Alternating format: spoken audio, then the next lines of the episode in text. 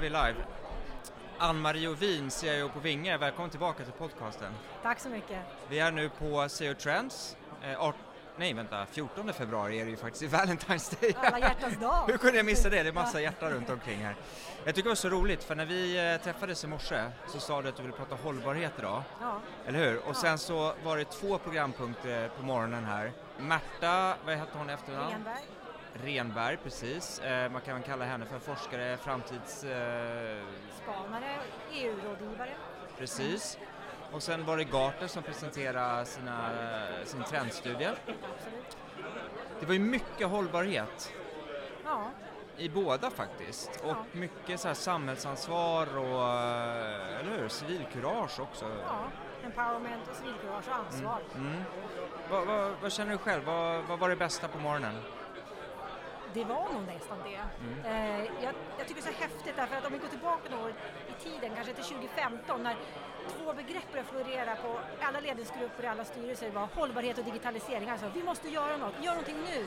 Man börjar ta digitala gisslan i organisationerna.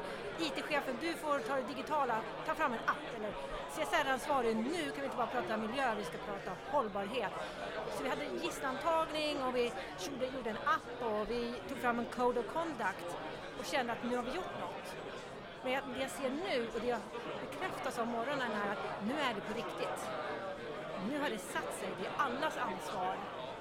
Det är inte bara på pappret utan vi jobbar med det. Det är ingen som äger de frågorna utan det är alla som äger, ingen individ, ingen, ingen eh, avdelning utan alla medarbetare eller alla i samhället äger de frågorna. Och det tycker jag är häftigt för det är då vi skapar värde på riktigt i bolagen och i samhället. Utan att vara då tråkigt negativ.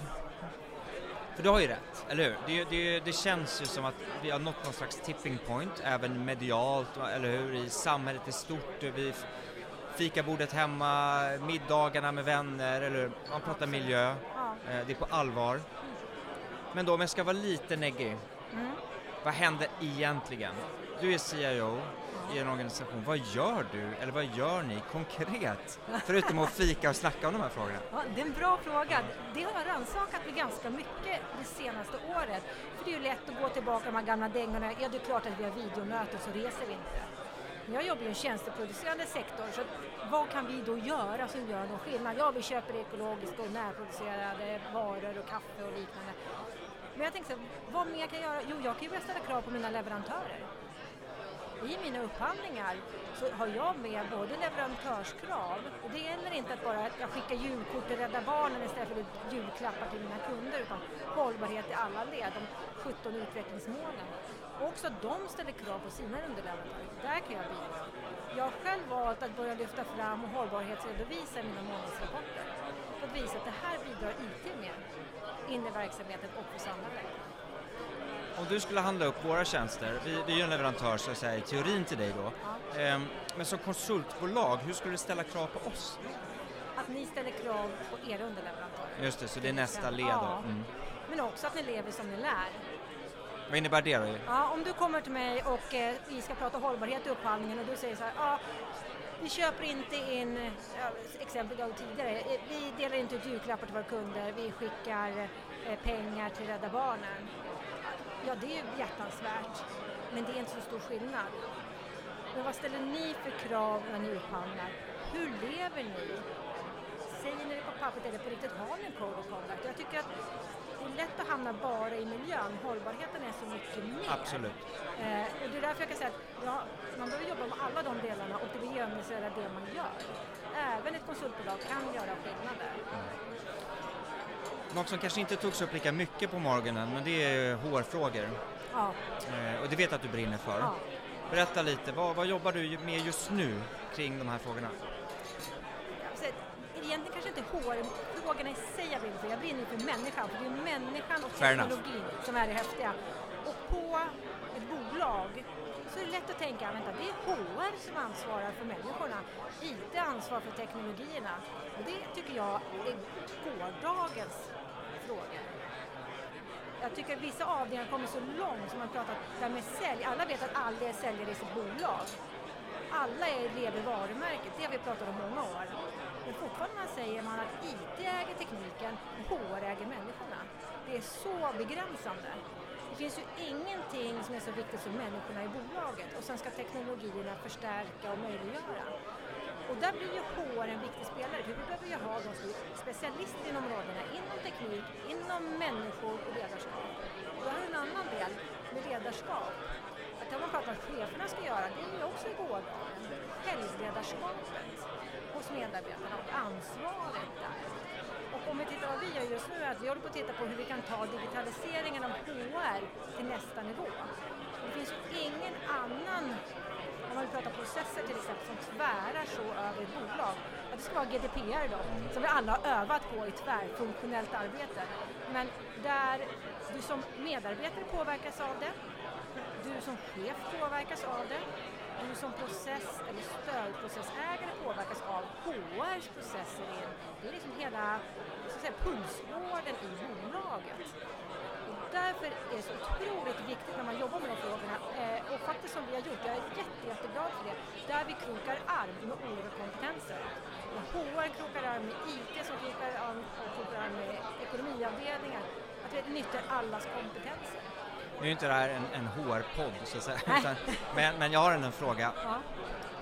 Hur balanserar man då de här frågorna i en väldigt vad ska man säga, tuff bransch? Alltså vi båda är ju, kan man säga, i konsultbranschen fast på olika sätt, eller hur? Jag tror, jag tror inte att uh, gemene man på gatan skulle tro att man som advokat eller jurist har ett lätt jobb, en lätt vardag, utan att man jobbar och sliter och slavar hårt Framförallt de första åren, eller hur? Man, man, jobbar mycket och engagerat, ja det gör man. Ja. Så hur hanterar man den balansen då? Vad kan eh, IT ha för roll i det? Ja, och där har du IT och HR igen som ska kroka arm, för det är människan och arbetsmiljön. Och där har vi hållbarhet in också. Den hållbara arbetsgivaren måste ha medarbetare som är hållbara. Där vidgar vi upp till hållbarhetsperspektivet igen. IT kan ju hjälpa till på massa olika sätt med det, med att möjliggöra ja, alltså du pratar balans i livet eller liknande, så är ju teknologier sånt som möjliggör det. Men det handlar också om företagskultur och ledarskap, att tillåta det och vad ställs det för krav? När man öppnar upp möjligheter kan det bli för många möjligheter när man jobbar med människor som är otroligt engagerade i sina arbeten. Hur begränsar man? Och där behövs det en dialog mellan HR, ledning, IT och medarbetarna. Tackar ni nej till uppdrag eh, för uppdragsgivare då som inte ehm, arbetar hållbart eller mot hållbara mål eller som är kanske då kända i, i, för att inte riktigt behandla sina medarbetare väl? Alltså har ni en sån policy där ni tackar nej helt enkelt, rakt upp och ner? Det finns, ja det där var en svår fråga. Vad drar man gränsen för det? Det finns ju en laglig del i det. Om vi bara går på vad som är lagligt fel, det behöver man ju förhålla sig till när man tar in en ny kund. Sen har du en annan del, den etiska delen och vad drar du de linjerna? Men det är absolut, vi har ett etiskt råd som har den här, så en levande diskussion hos oss. Vad innebär det om vi gör, hjälper till i det här sammanhanget? Så, men det finns, rätt och fel är lättare när det handlar om lagar och regler.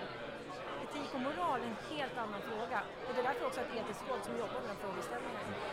Va, vad ser du fram emot resten av dagen då? Kommer du vara här hela dagen? Jag kommer här hela ja. dagen. Vad, vad i programmet eh, känns spännande? Som du kommer ihåg? nu är det svårt för jag tycker att morgonen rivstartar precis med de frågor som jag brinner för så otroligt mycket. Men jag ser fram emot att bli inspirerad mer, se lite mer på teknikspåren, vad som kommer där. Det är händer så otroligt mycket så fort. Så att det är bra när andra hjälper till att trendspana och ta del av det. Och sen är det naturligtvis nätverkandet mm. och höra vad, och vad händer på riktigt. Just det. För här kan man ju få nästan, jag tycker de inledde bra i morse också, man kan nästan bli wow, vad mycket som händer, hur ska jag hinna med hur ska vi klara det här? Och det är skönt också att träffa andra kollegor och höra, ja men det finns en vardag i det här också. Härligt, Ann-Marie Ovin, CEO på Vinge. Jag skulle låta dig nätverka vidare. Tack så mycket. Tack så mycket. Ha det gott.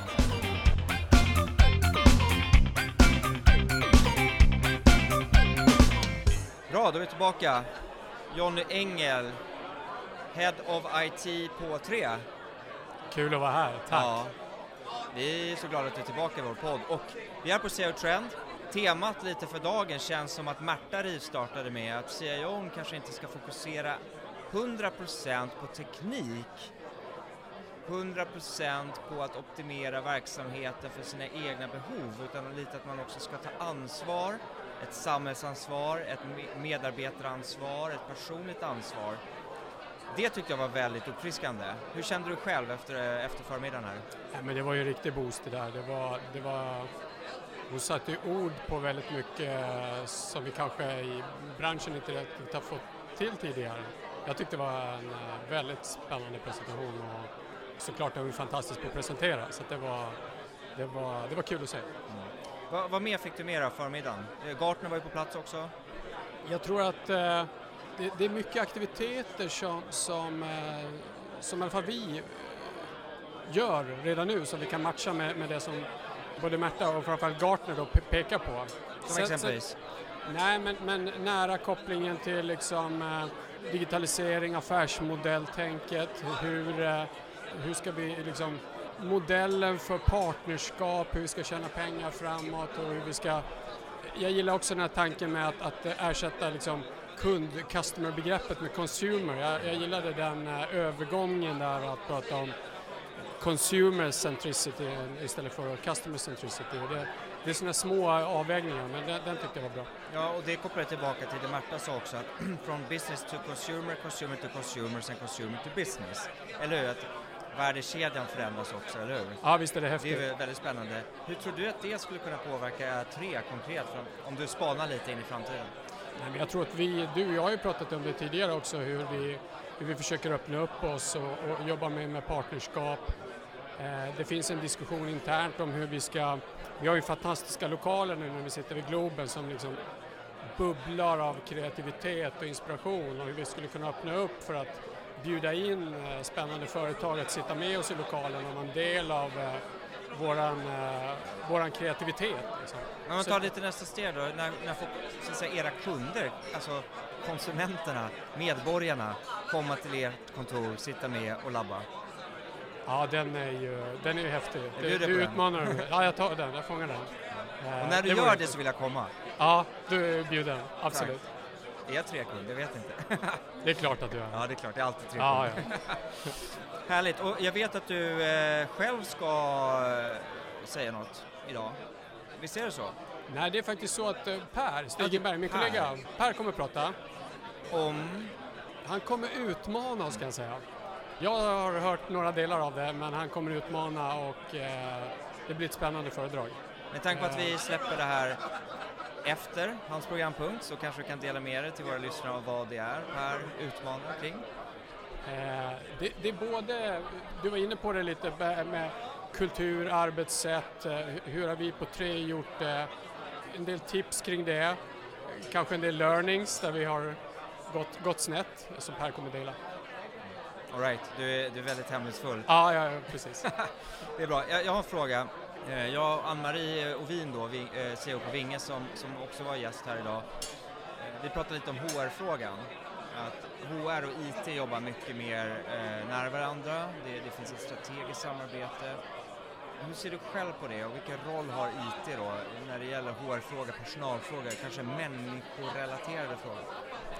Det är flera aspekter på det här. Jag känner själv att, att eh, på, på, på, vårt bolag och, och, hur vi jobbar tillsammans med HR så är det väldigt tajt. Vi, vi träffas ju varje dag nu eh, mellan HR och IT och det, det, vi, vi, har ställt om ganska mycket hur, hur vi eh, jag pratar inte digitalisering utan hur vi tar kultur och sådär, hur vi, hur vi rekryterar. Jag tror vi har pratat om det tidigare också, att vi, vi, vi går mycket mer utifrån att hitta talanger i, i what we offer istället för att lägga ut att det här behöver vi och hitta rätt med kanske mer individer och, och, och talanger utifrån det perspektivet än att ha ett CV som täcker allt vi behöver just nu och, och kanske lite, jag uttrycka mig, rekrytera på spekulation. Nu får jag väl vår CFO över oss kanske, men, men lite så att, att titta på nya, nya personer, nya individer eh, till oss. Och det var också förmiddagens eh, presentationer var lite inne på det, hitta vad, vad gör våra medarbetare på fritiden? Vad, vad, sjunger de i kör? Är de friskis och svettisledare? Vad, va, vad, gör de och hur kan vi liksom få in det i, i, i på arbetet? Så det är den ena liksom, rekryteringsdelen. Men sen har vi mycket kulturfråga och vi, vi jobbar ju, som man pratar också med, business och IT tillsammans på ett helt nytt sätt nu senaste halvåret, året sådär och det kommer vi att se mer av. Det var ett halvår sedan du var med i vår podd senast. Tiden går fort. Vad jobbar du med just nu och vad, vilka är fokusfrågorna, låt säga, närmsta halvåret? Ja, men dels har vi en omställning eh, på IT, att, att, att kliva fram, vara var mer av en businesspartner, komma ihop med businessen. Vi har satt ihop nu team, verkligen cross-team som jobbar med, med eh, två, tre huvudaktiviteter om man säger så, som ska ta oss framåt, både kring marknad, kring produkt och även kring, vad ska vi säga, mer eh, backend-frågor där vi behöver lyfta vår arkitektur och där, där jag tycker IT historiskt kanske har tagit lite för liten plats. Vi tar större plats nu. Vi, vi vet vad vi vill och vi, vi gör saker framåt nu. Ja men spännande. Jag vet att folk drar i dig här. Vi är på ett live-event. Tack John Engel, Head of IT på 3. Kul att ha dig med igen. Vi ses under resten av dagen. Stort tack. Ha det gott. Tack.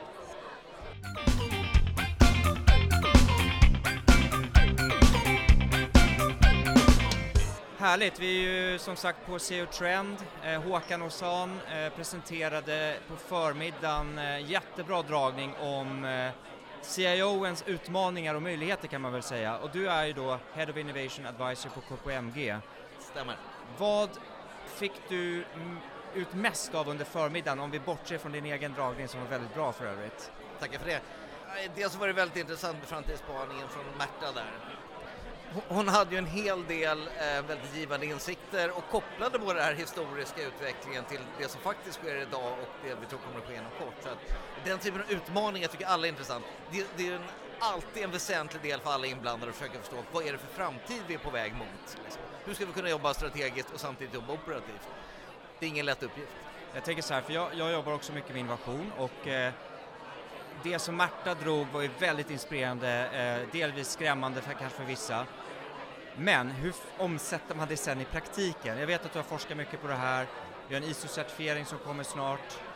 Tre snabba stalltips för hur man omsätter flummet till konkreta actions. Jag ska börja på metanivå först och bara säga att eh, det som folk gärna missar det är att man pratar innovation väldigt mycket. Det som finns idag är faktiskt en disciplin i praktiken som heter innovationsledning eller innovation management. Och att jobba med innovation blir väldigt ad hoc i dagsläget. Man jobbar liksom inte systematiskt med det. Och nu finns det extremt mycket goda best practices kring det här, vilket också kommer utkristalliseras i den ISO-standarden som är på väg nu inom innovationsledningssystem.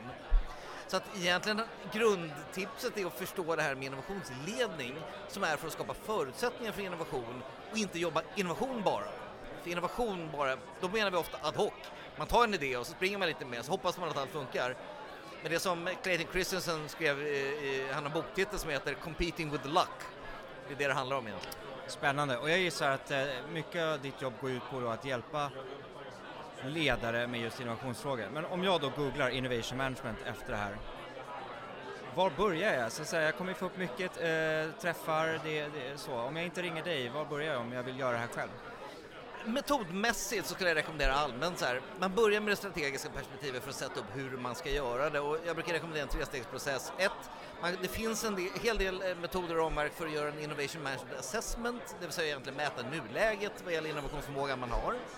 Sen sätter man upp en målbild, någon typ av innovationsstrategi eller innovationsledningsstrategi, sätter upp de, de mål man vill emot och sen tar man fram en handlingsplan konkret som utkristalliseras ner i verksamhetsplaner. Så att du får en tydlig, egentligen ett innovationsprogram för hur du ska göra den här transformeringen.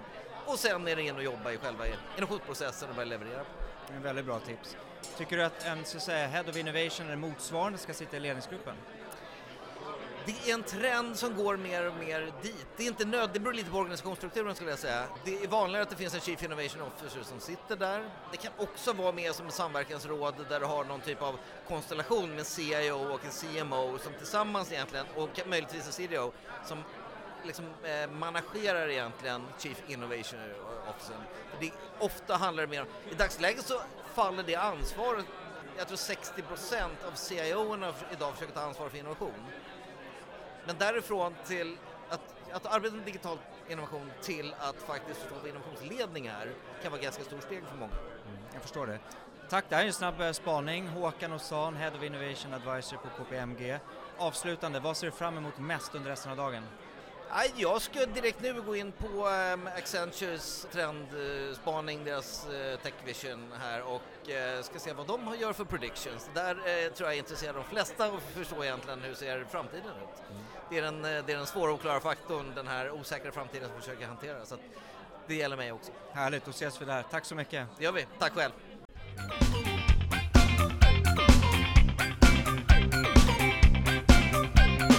Alexandra Fürst, välkommen tillbaka till vår podcast. Tack. Härligt att ha dig här. Vi är ju på CIO Trend idag. Vi lyssnade, du och jag satt ju faktiskt bredvid varandra och lyssnade på um, Fredrik Robertsson. Ja, CIO på Försvarsmakten. Mm. Tycker det var väldigt intressant och också lite skrämmande. Mm. Du är ju CIO på Vasakredit. Eh, det är klart du inte kan berätta för våra lyssnare hur utsatta ni är för hot, men jag gissar att ni som alla andra brottas med de här frågorna. Vad, hur, hur, tänker du på det som Fredrik pratade om? Jätteintressant tema för det första och säkerhet tror jag blir ännu mer centralt framåt. Eh, att verkligen känna som kund att den datan jag har lämnat ifrån mig, den är säker. Det är ingen som kommer ta den, ingen som kommer sprida den. Men samtidigt som, som Fredrik sa väldigt klokt att här, det är inte frågan om du är utsatt för angrepp utan det är när du har varit det. Och också hur lätt eller svårt det faktiskt är att upptäcka att man har varit utsatt för någonting. Så det där är en jättecentral fråga. Jag tycker han fick fram budskapen väldigt, väldigt bra. Ja, och jag var lite chockad själv över att eh, det, det tog så lång tid från flesta organisationer att ens upptäcka hotbilden. Mm. Minns jag inte exakt här, men 7-8 år sedan var det runt 400 dagar i yes. snitt det tog innan organisationen förstod ens att de hade blivit utsatta för, mm. för ett intrång. Mm. Och nu är det då kanske 80-90 dagar. Mm. Men det är ju fortfarande väldigt lång tid. Mm. Ja men det går ju ja. blixtsnabbt om du väl mm. har en attack så kommer de åt din data omedelbart. Så att, ja. Eh, och sen tankar över någonstans och sen kan analysera i lugn och ro. Så mm. Jag tror att eh, säkerhet och cybersäkerhet det kommer vara ett fokus framgent för alla företag oavsett bransch, speciellt finansbranschen ska säga, där det är mycket information som verkligen är eh, en konfidentiell karaktär som man inte vill dela med någon annan. Jag funderar lite på, du har ju varit här hela dagen. Vad tycker du har varit bäst hittills? Jag tyckte att Märta Renberg som började eh, med hela SEO Trend, i alla fall för min del, jag var inte här på frukostseminariet, tyckte jag satte ord på mycket av det som är CIOns roll i framtiden. Hon hade ju två stycken nya betydelser av ordet eh, CIO, eller förkortningen CIO, alltså Chief Intuition Officer eller Chief Idealist Officer.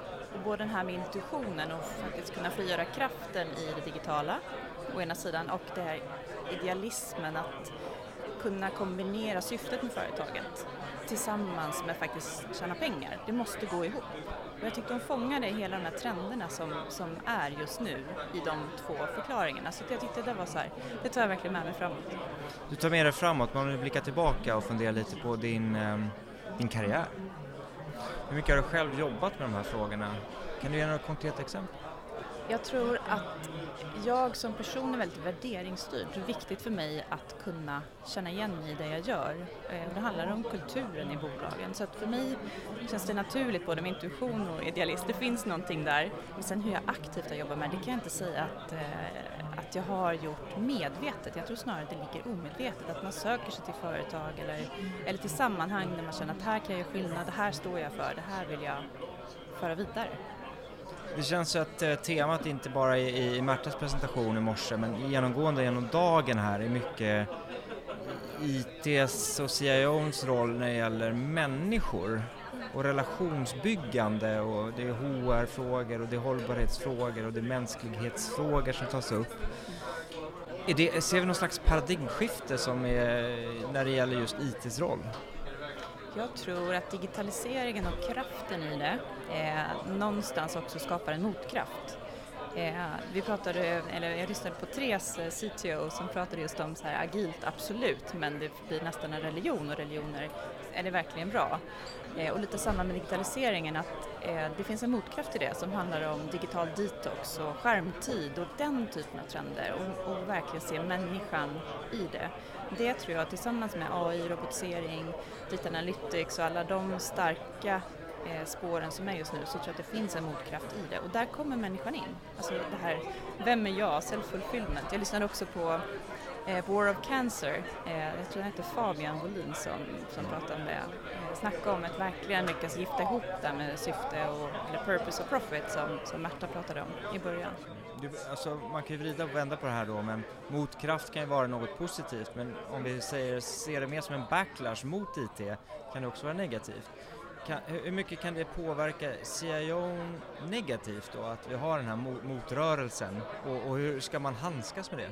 Jag tror att det inte är negativt, men det beror lite på hur man, vad man har för förhållningssätt till förändringar tror jag. Jag tror att det är bra, men absolut att CIOns roll kommer förändras. Jag är helt övertygad. Jag tror inte du kommer ha något som heter IT-chef på det sättet vi känner det idag, imorgon, utan det kommer vara något helt annat. Och mycket kring att faktiskt bygga nätverk och, och eh, jag tror det var någon som pratade också om eh, kommunikationens kraft. Att verkligen, det är där som det faktiskt händer, att kunna kommunicera kring IT, ITs möjligheter, digitalisering och värde snarare än att, än att leda och styra. Det fanns också där chef, ledare, alltså det är mycket i, i förändringen på CIO-rollen. Mm. Om du eh, blickar eh, framåt då, resten av dagen, eh, vad är det på agendan som känns spänn mest spännande? Ja, men nu ska jag lyssna på Claes, tänkte jag, från SBAB som är nästa talare mm. och blev årets CIO. Tänker att det kan vara intressant. Jag håller med och för lyssnarna också, han har ju varit med i vår podcast tidigare som gäst så att får ni gärna lyssna på det avsnittet. Precis som du Alexandra, du har också varit med tidigare så att eh, jag är jätteglad att ha dig tillbaka här idag. De här spaningarna är korta, så tack så hemskt mycket och vi ses i minglet. Vi ses, tack!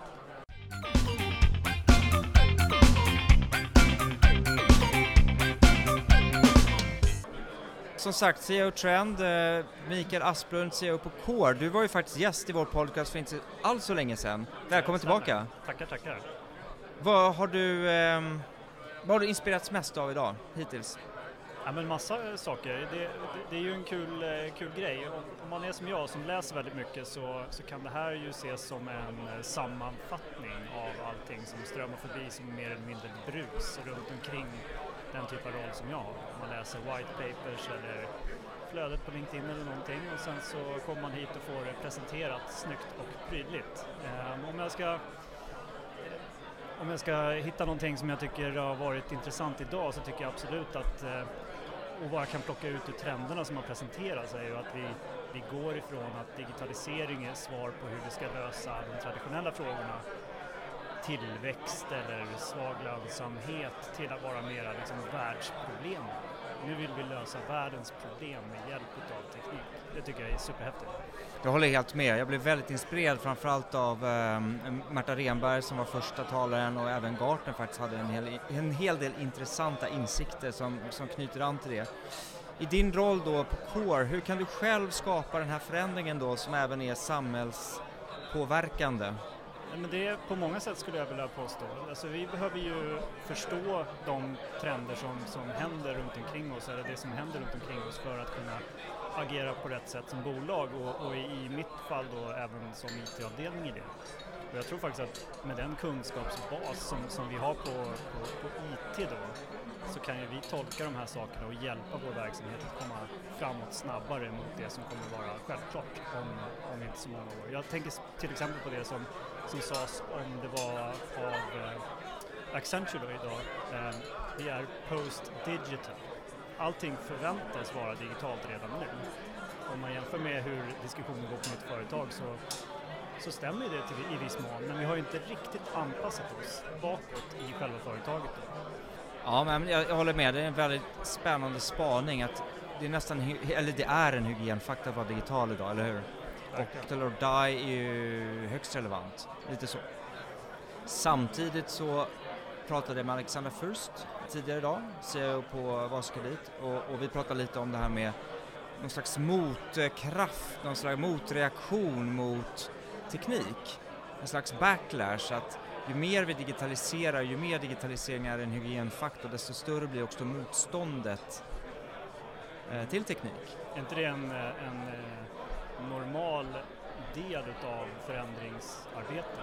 Att du får en, ett motstånd, en, en, liksom, en kraft som verkar emot åtminstone till en början innan man är över en viss puckel? Förmodligen, absolut. Och, och, och, man ser också, um, jag vet inte vad du lyssnade på Fredrik Robertsson på uh, Försvarsmakten? Ja, det eh, hans exempel med digitala skyltar tycker jag var väldigt intressant. Att man måste ju inte digitalisera allt i samhället bara för att det finns den tekniken.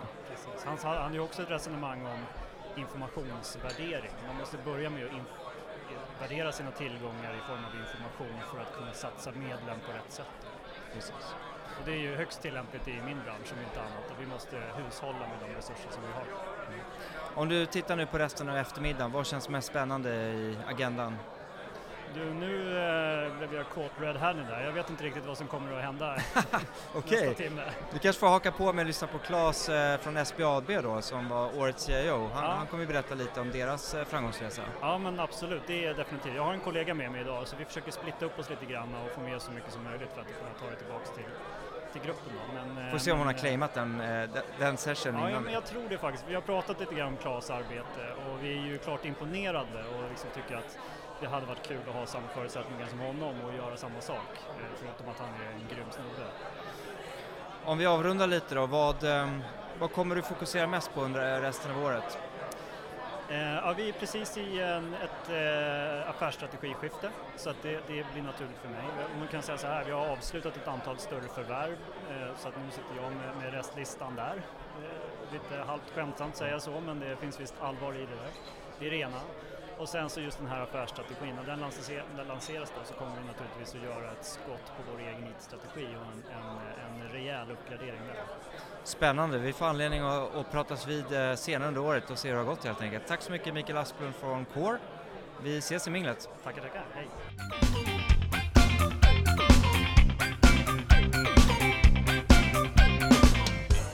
Katarina Strömberg, du eh, är ju, du har ju många roller på IDG, Mm, eller hur? stämmer. Jag brukar säga att jag är journalist först. Ja, det är härligt att ha dig med i vår eh, podcast, lite trendspaning Tack från med. Trend. Vad tycker du har varit mest intressant idag? Och det är så otroligt många saker. Jag har ju, jag har ju modererat in i ett av spåren och där har vi haft eh, årets hållbara projekt till exempel, Renovas miljöportal som de har byggt upp. Och jag tänkte att när jag satt och lyssnade på när de pratade så det är så otroligt smart hur de jobbar med visualisering av massa viktiga användbara data. Och de pratar om digitalt avfall, att de här datan bara fanns där, de hade alla de här data men gjorde ingenting med det. Mm. Så det var jättespännande. Och sen har jag ju hört Försvarsmakten om cybersoldater bland annat.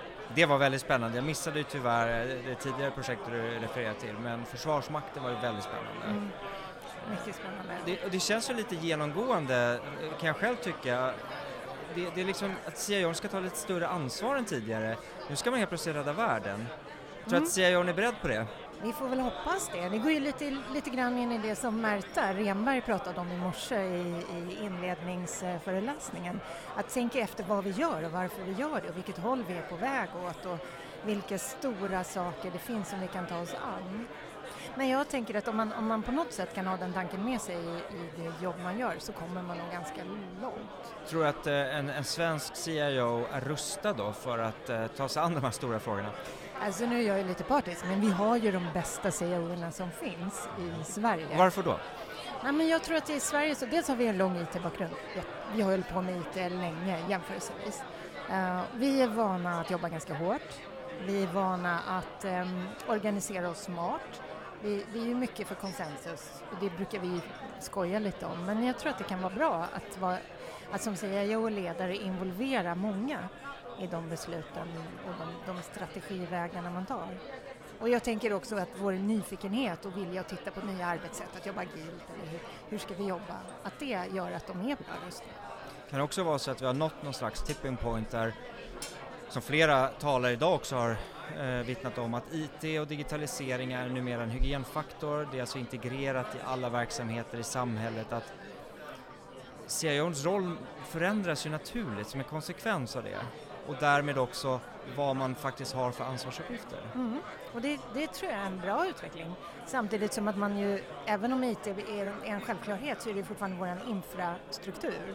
Och det är precis som all annan infrastruktur, vi behöver fortfarande vägar och vi behöver bussar och transportmedel och allting sånt. Men jag tror att det kan vara en bra väg därför att jag tror att IT är en så stark drivkraft. Eh, speciellt med de eh, nya framkantstekniker som vi ser. De är ju enormt, enormt starka som drivkrafter för den här utvecklingen. För dig som har stenkoll på programmet, vad är mest spännande resten av eftermiddagen? Ja, men alldeles strax ska vi få höra på eh, årets CIO från SBAB. Och sen så, eftersom jag gillar ett annat radioprogram, inte lika bra som ditt kanske Roland, men eh, ett P1-program som heter Spanarna, så ser jag ju fram emot att höra eh, Per Navosky som avslutar idag. Om jag någon gång kommer upp i samma nivå som spanarna så är jag väldigt nöjd. Jag håller med dig, det är, väldigt, det är en bra måttstock, eller hur? Mm, Eller hur? Ja. Du, du kan sikta dit. Ja, jättebra. Katarina Strömberg, tack så mycket. Vi ses i minglet. Ja, men det gör vi. Ha det gott. Hej! Jaha, Anders Westberg, tjena, du är ju kollega till mig Ja. och eh, du har också varit med hela dagen idag på SEO Trend. ja. Vad tycker du har varit mest eh, inspirerande? Det är väl egentligen att få de olika typerna av människornas input på vad de har nyttjat dagen till. Det är ju alltid från CIO som är här för att knyta kontakter med leverantörer och sen folk på väldigt eh, bits and bytes nivå som är här för att prata, lyssna på ett visst ämne. Eh, få lite input på vad som händer och bara hålla sig relevant. Men eh, ja, jag var, lyssnade på faktiskt vår egen punkt eh, där Björn och Niklas pratade om ICAs eh, framgång. Och den var naturligtvis inspirerande. Varför var den inspirerande? Det, är- det är svårt att vara objektiv då såklart här men Ja, men det, väldigt många kunder genomför väldigt många projekt eh, och väldigt många projekt drar ut på tiden och blir inte framgångsrika. Alltså, att stå någon, hö, höra någon stå och prata om hur de faktiskt har nått framgång och vad det innebar. Eh, det fanns några bra takeaways. Liksom. Dels den här formeln som Niklas presenterade med, ja, jag kommer inte ihåg exakt hur det gick, men det, det är ju liksom bra sak att ta med sig att gör du det här så är chansen ganska mycket större att du når eh, rätt effekter. Och vikten av att informera verksamheten tyck- tror jag är en väldigt bra att lyfta fram. du har ju minglat runt mycket här också. Ja. Eh, vad, vad, känns det, vad känns det som att folk pratar om? Tittar man på leverantörerna omkring så är det ganska spritt. Vi har oss själva som ett IT managementbolag, vi har mjukvaruleverantörer, vi har cloud-leverantörer, eh, rådgivningsbolag. Så att jag vet inte, det, det finns ingen röd tråd. Det är väl framförallt det. Det är väldigt spritt eh, vad leverantörerna vill åstadkomma. Jag tror att alla är här för att de vill suga åt sig CIOns uppmärksamhet och för CIOerna så är det helt enkelt att prata så mycket som möjligt med de som är mest relevanta för dem framåt. Vad är du mest eh, peppad på resten av dagen? Nästa dagen, ja, få fler bra kontakter som vi kan eh, diskutera vidare med kring det som är vår eh, eh, kärnpunkt i alla fall idag med Business Technology. Så det, är, det är många kända ansikten, det skulle vara kul att hitta några nya ansikten. Och kanske fira lite Valentine's med frugan också. Absolut, det är en given. Härligt, tack så mycket Anders Westberg. Happy Valentine's. Ja, detsamma.